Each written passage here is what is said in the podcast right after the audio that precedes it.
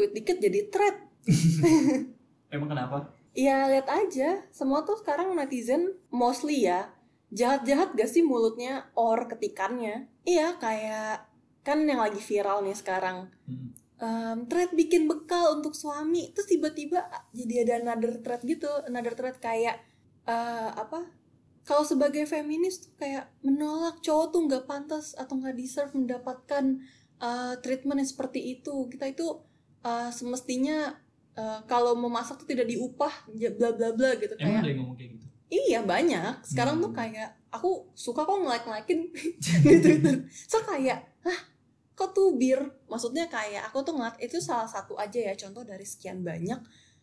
Kalau misalnya sekarang tuh nge-tweet hal yang menurut aku no harm ya, harmless sekali untuk ngomongin em, apa namanya? Ada ini nih gue mau sharing kayak resep masak untuk bikin eh, minimal at least suami gue tuh suka nih, siapa tau Iya. lo suka juga. Hmm. Itu kan harmless ya. Iya. And then jadi kayak perbincangan gitu. Maksud Hmm. aku, hah kenapa emang kalau misalnya bikin bekal buat suami?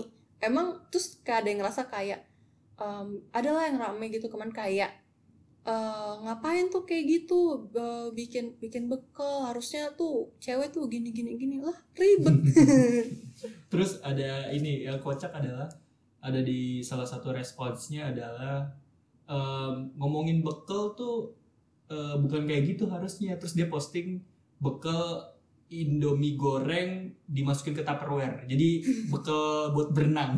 bekal buat berenang ada juga Iya, yang be- bekal template. Ada juga yang bekal bekal buat suamiku yang astronot jadi kayak kapsul-kapsul gak jelas Tapi emang em, kalau kita ngomongin terkait dengan itu, misalnya case tadi em, bekal buat suami, Mm. emang eh, di awalnya tuh kayak gimana sih? Kayak tiba-tiba tuh thread itu bisa naik dan heboh sampai beberapa hari kan? 2 Iya. sampai tiga hari gitu. bahkan sampai sekarang ya kalau misalnya kayak kita lihat gitu Em, pertama tuh sebenarnya sesimpel tweetnya itu tuh kayak ngomongin em, ya ini bekal thread bekal untuk suami misalnya Iya. resep-resep yang ya inspirasi kan Mhm. sebenarnya tapi tiba-tiba ada nih satu yang kayak dia sebenarnya tweetnya gembok digembok gitu sih tapi Oke. kayak di spill sama orang which is emang deserve to be spill karena Hmm. eh nge-tweetnya gini nih a happy housewife an- sorry ya. Hmm. kayak emang bahasanya kayak gitu aku as quoted a happy housewife anjing. We shouldn't treat treated a man like that. Oh, terus em, pakai ini kayak Bismillah a thread bekal buat suami hari ini alias thread tertolol yang pernah gue lihat. Hmm. bayangin lo buat masakan buat suami lo sebegitu wownya masakan sampai sekali buat bekal 200 ribu habis itu tiga bulan kemudian dia slanky wow pengen julid yang bikin thread bekal buat suami terus kayak enggak banget persepsi orang Oh, beda-beda iya, kali iya, ya iya. apalagi dengan otak gue kayak gini udah deh. Nggak jelas banget. Maksudnya kayak kalau terus kan dia tadi as, as I uh, quoted kan dia bilang kayak Iya. abis udah slanky ya kalau lo punya isu sama relationship lo ya ternyata urusan lo sendiri. Kenapa lo dengki banget sama kebahagiaan wanita orang lain? Eh kebahagiaan wanita lain. Wanita orang lain. Iya, salah salah. Saking emosi gitu saking emosi. Iya iya iya. Aku ngeliat ke bagian itu. Kalau nggak salah tuh em, yang ramenya justru gara-gara dia di screenshot itu ya. Iya ya gara-gara dia di eh, digembok kan? digembok kan di screenshot nge-screenshot. Terus kalau nggak salah ada dia ada empat tweet kalau nggak salah ya. iya Terus dia ngebahas terkait dengan itu gitu loh. Dan dia mempermasalahkan eh, terkait dengan bekal buat suami gitu. iya Mm-mm.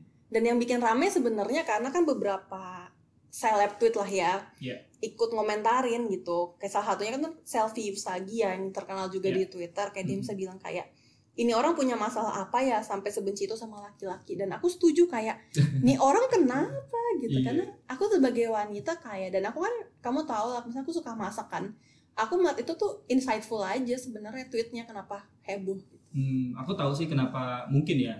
Ini salah satu hipotesis kenapa dia suka marah-marah. Atau Hmm. dia sampai ada yang marah-marah bener-bener kayak tadi gitu hmm. eh, nyinyirin terkait dengan bekal sama suami. Sesimpel kayaknya sih eh, dia udah banyak tupperware yang hilang kayaknya sih. atau sesimpel semua makanan yang dia buat selama ini atau semua kindness dia kayak sia-sia aja karena dapetnya selalu kayak toxic person which is ya nggak salah siapa-siapa iya iya. Tapi eh, kamu punya ini nggak punya pengalaman kayak eh, rekan kerjamu dulu gitu misalnya dia dimasakin sama istrinya gitu ya. Em, dibawain bekal terus eh, ketika dia harus eh, makan di luar tuh kayak ada tanggung jawab untuk ngabisin gitu. Hmm, maksudnya kayak harus habis kok nggak nggak enak gitu ya? Iya iya. Eh, enggak sih tapi waktu di previous company aku dulu tuh Hmm. em, aku ada beberapa yang ibaratnya udah kayak hitungannya bapak-bapak lah ya gitu kan. Iya. Terus ya mereka membiasa bawa bekal dan mereka Hmm. kalaupun kadang ada beberapa dan kan menghemat banget loh. Hemat emang. iya betul. Kan ada beberapa misal manajer yang kayak ada yang suka jajan ada yang suka misalnya kayak yuk cari makan keluar gitu. Ada yang sempet juga untuk kayak misalnya em, makanan di pantry gitu. Iya. jadi abis kayak orang-orang yang lain udah beli makan kayak dia tetap makan bekalnya. Karena yang yang menghargai makanan apa istrinya gitu iya, gitu. iya. karena sebenarnya nggak ada kalau yang aku lihat ya kalau dilihat dari perspektif antara hubungan suami dan istri pun nggak ada yang ngerasa kalau aku lihat ya nggak ada yang kalau kita bicara tentang kayak derajat Mm-mm. mungkin gitu ada yang menyinggung terkait dengan itu gitu. Kenapa lo ibaratnya mentreat sampai kayak gitu? Mm-mm. suami lo itu kan masalah peran aja gitu. Dan itu sama kayak yang lainnya. Iya. Dan kebetulan ini dibahasnya di Twitter ya jadi rame aja gitu. Iya. Maksudnya aku juga mungkin kalau yang udah pernah dengar episode melawan stigma ya di podcast kita tuh aku Iya. emang mungkin bisa bisa menangkap bahwa aku memang melawan sangat melawan patriarki ya tapi nggak aku pun yang tidak suka dengan apa konsep patriarki di Indonesia pun juga tidak melihat bahwa membuat masakan untuk suami itu adalah suatu hal yang bermasalah gitu Iya. karena Mm-mm.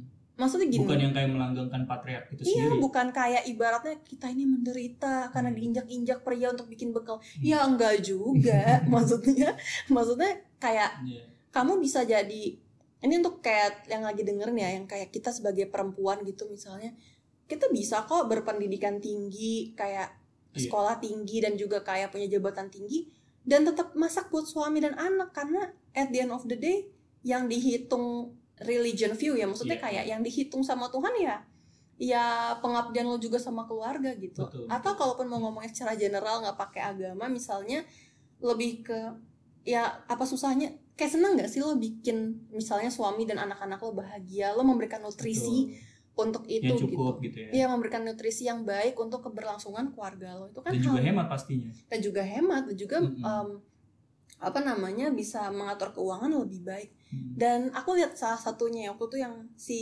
original poster atau kayak yang bikin thread itu Iya. thread em, untuk suami Hmm. itu dia pernah nge-tweet ibaratnya kalau nggak salah gini sih kata-katanya ya aku nggak masalah ada jari sama jari-jari nakal tertentu toh mereka nggak tahu rasanya rasa senengnya dipuji Betul. sama suami ketika Betul. makanannya enak dan aku ngeliatnya tuh kayak oh kayak uwu banget gitu maksudnya iya iya Em, dan aku juga tuh biasa kan kayak selama ini kayak aku suka iseng bikin makanan buat keluarga atau misalnya kayak Hmm. "Eh, ini buat kamu gitu cobain Hmm. dong gitu saat kayak kamu atau keluarga aku memberikan testimoni kayak wah ini enak itu tuh ada priceless moment yang kamu nggak bisa beli gitu karena memang sebahagia itu Iya. jadi mungkin ya orang-orang ya gitu sih aku sangat concern kayak netizen zaman sekarang tuh jahat-jahat banget mulut Hmm. dan ketikannya Mm-mm.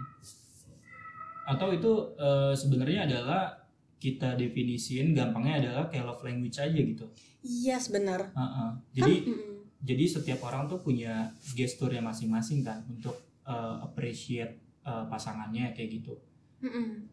bahwa kemudian eh, bahasa itu tidak bisa tersampaikan atau diimplementasikan ke diri lo kan itu sesuatu yang lain gitu bahwa kemudian akhirnya lo membahas eh, apa namanya membahas membahas itu terlalu jauh kemudian kan akhirnya jadi sesuatu yang harus dipertanyakan juga gitu. Kenapa Hmm. sampai sebegitu eh, ngerasa kayak tersinggungnya tanda kutip gitu ya? Iya. Ketika si apa namanya orang lain itu melakukan sesuatu yang kayak tadi aku bilang sebagai bahasa cintanya untuk pasangannya Mm-mm.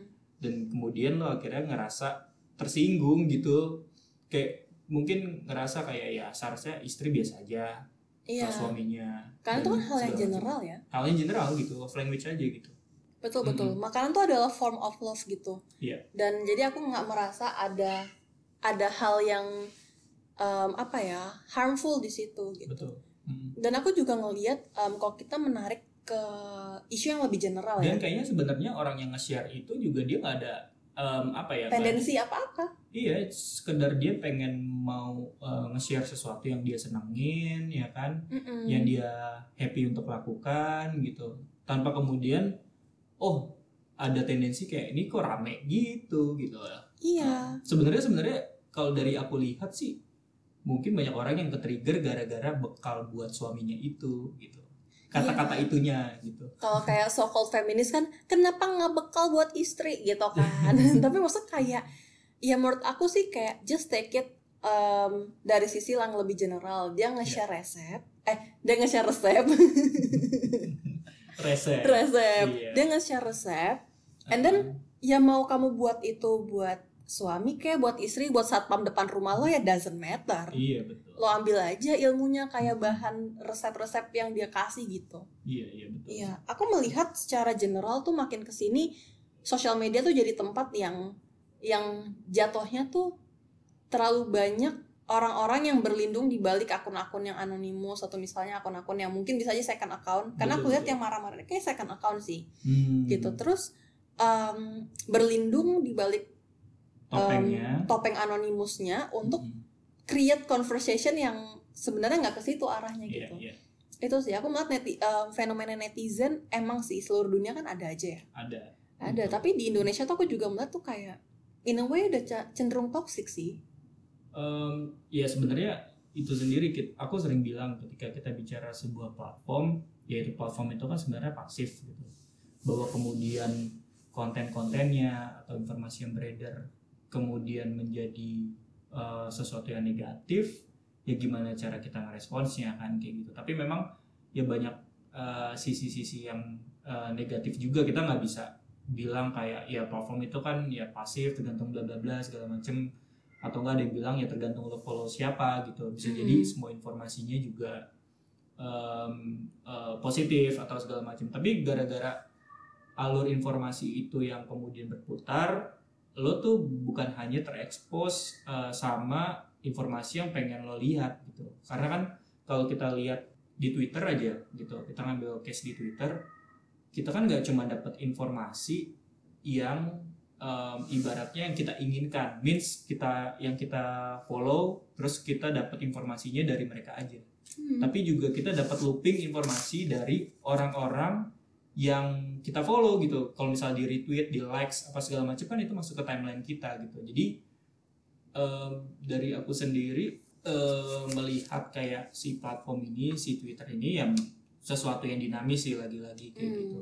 Tergantung kita mau memfungsikannya seperti apa gitu. Tapi ya seru seru seru Seru-seru karena sebenarnya kalau kamu sadari ya, Iya. Twitter itu tuh sebenarnya semua orang akan blunder pada masanya. hmm ya Kamu bisa jadi hero Hmm, of this week betul dan dibully on the next week gitu. betul betul Kayak misalnya kasus dok kasus dokter Tirta kemarin. Hmm. kayak kita tahu lah dia dari awal covid dia udah em, ibaratnya sering nge-tweet atau sering keras ngomongnya soal orang-orang yang nggak physical distancing Iya. and then tiba-tiba beredar eh, foto dia di Holy Wings yang sebenarnya bukan jadi ada dia em, kerjasama sama Holy Wings yang lain tapi Hmm. karena kebetulan Holy Wings Bekasi jadi eh, lagi rame Iya. terus dikait-kaitkan terus jadi Betul. dibully ya hal-hal kayak gitulah maksudnya Twitter ataupun platform lain aku melihat kayak sekarang tuh tingkat blunder dan tingkat bullyingnya tuh tinggi banget tinggi tinggi Hmm. betul apalagi kalau emang kita jadi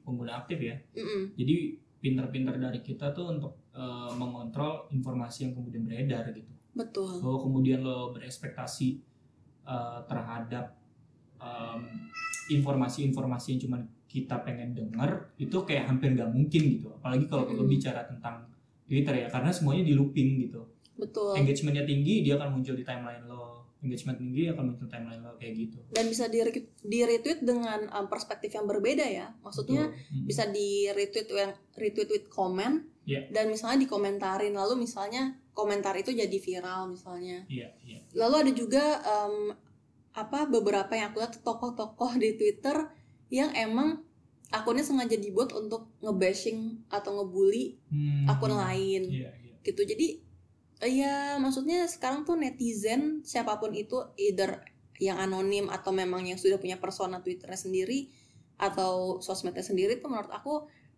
eh, sosial media memang sudah sangat-sangat bukan tempat yang aman sih betul sekarang. betul kalau bicara tentang itu iya intinya kan makanya ada istilah untuk bijak bersosial media kan kayak gitu Betul. untuk bisa em, apa namanya kita tuh harus kayak gimana dalam hal eh, bermedia sosial terus berinteraksi dengan orang lain artinya adalah ketika lo eh, ibaratnya mengeluarkan tweet atau lo bikin update status di Facebook ketika itu udah dikeluarin em, lo tuh nggak bisa expect kayak orang lain tuh akan memberikan respons yang sesuai dengan ekspektasi lo gitu Hmm, jadi ketika itu di looping looping segala macam ya mungkin di awal kayak tendensinya si yang tadi itu bekal buat suami itu tendensinya dia sesimpel gue pengen sharing aja mm-mm. dan mungkin ada em, orang lain di luar sana yang mungkin terinspirasi dia Hmm. nggak ada ekspektasi mungkin untuk kayak nunjukin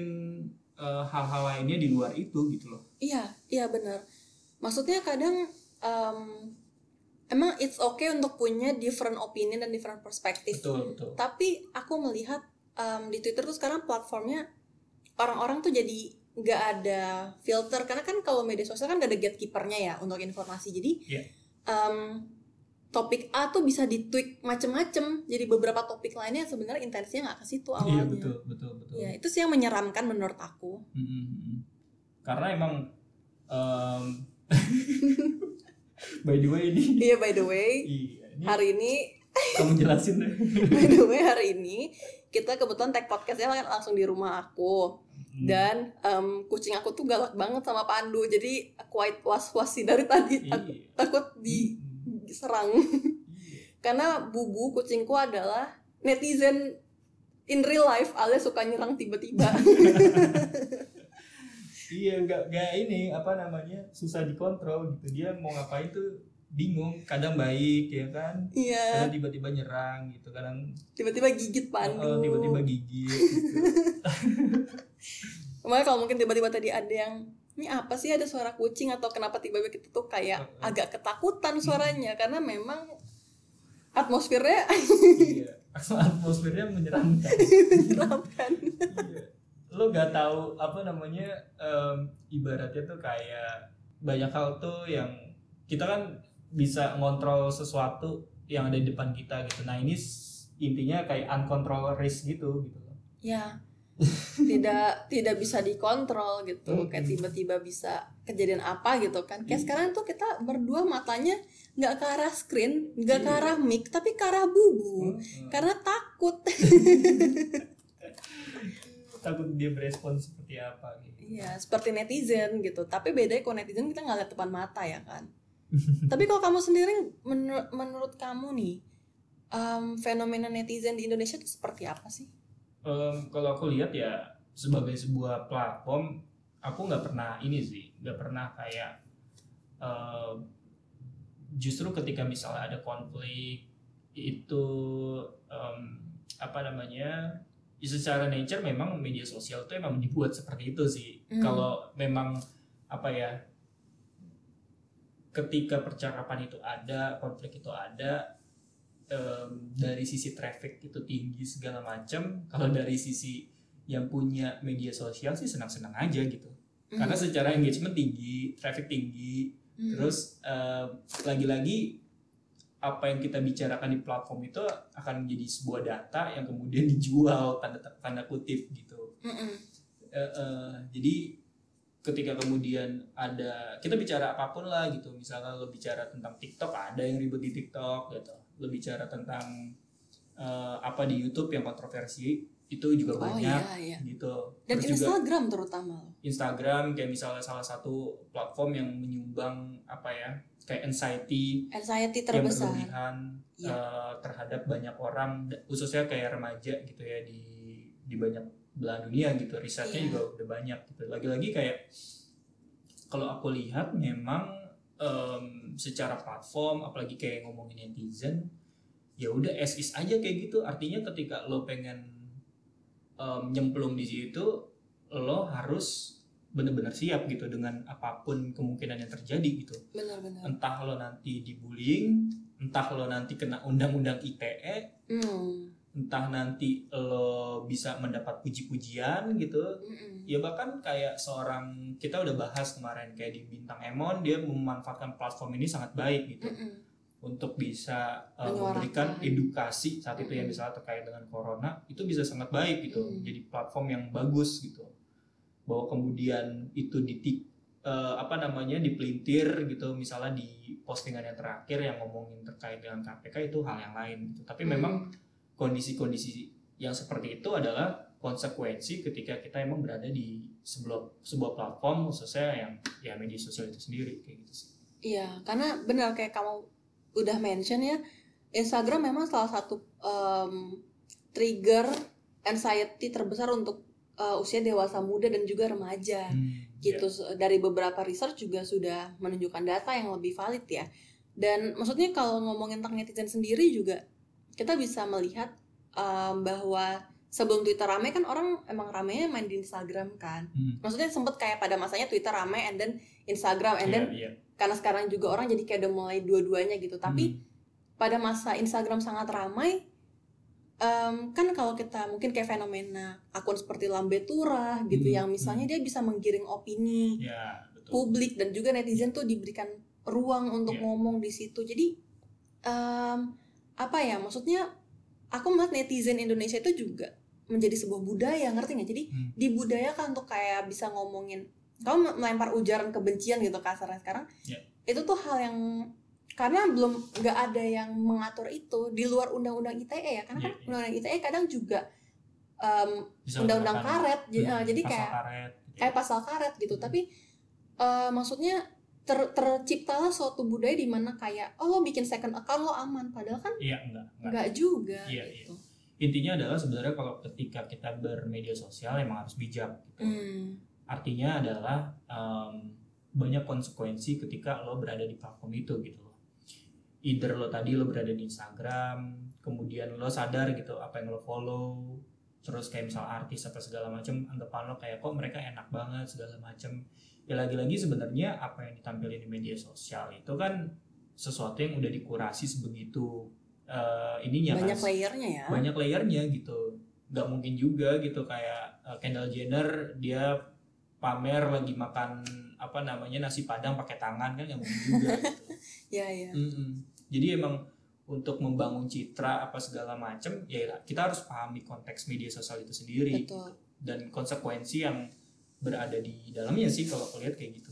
Betul. Dan em, para pemilik second account atau yang suka ngebully-ngebully nih netizen-netizen eh, yang jarinya tidak bertulang Hmm. itu juga harus sadar bahwa em, apa yang kamu tulis di media sosial yang mungkin ternyata kamu lupa beberapa detik kemudian itu bisa berpengaruh terhadap orang lain. Kita Iya betul kita tahu lah beberapa artis terutama mungkin di Jepang atau di Korea yang banyak justru malah bunuh diri Iya. karena tidak kuat menghadapi bullying gitu. Betul, Di betul. India juga kalau nggak salah ada Mm-mm. netizen eh netizen apa em, artis yang aku dengar juga bunuh diri karena bullying. Jadi betul ini adalah hal yang apa yang kamu tampilin di sosial media kontennya itu bisa berdampak di real life. Jadi harus harus hati-hati banget. betul betul iya iya benar apalagi ketika kita bicara di Indonesia gitu konteksnya kan tadi udah nyinggung undang-undang ITE gitu jadi benar-benar em, kapan aja lo mendapat sesuatu yang nggak lo expect tuh bisa banget terjadi gitu di media sosial gitu. Yes. Mm.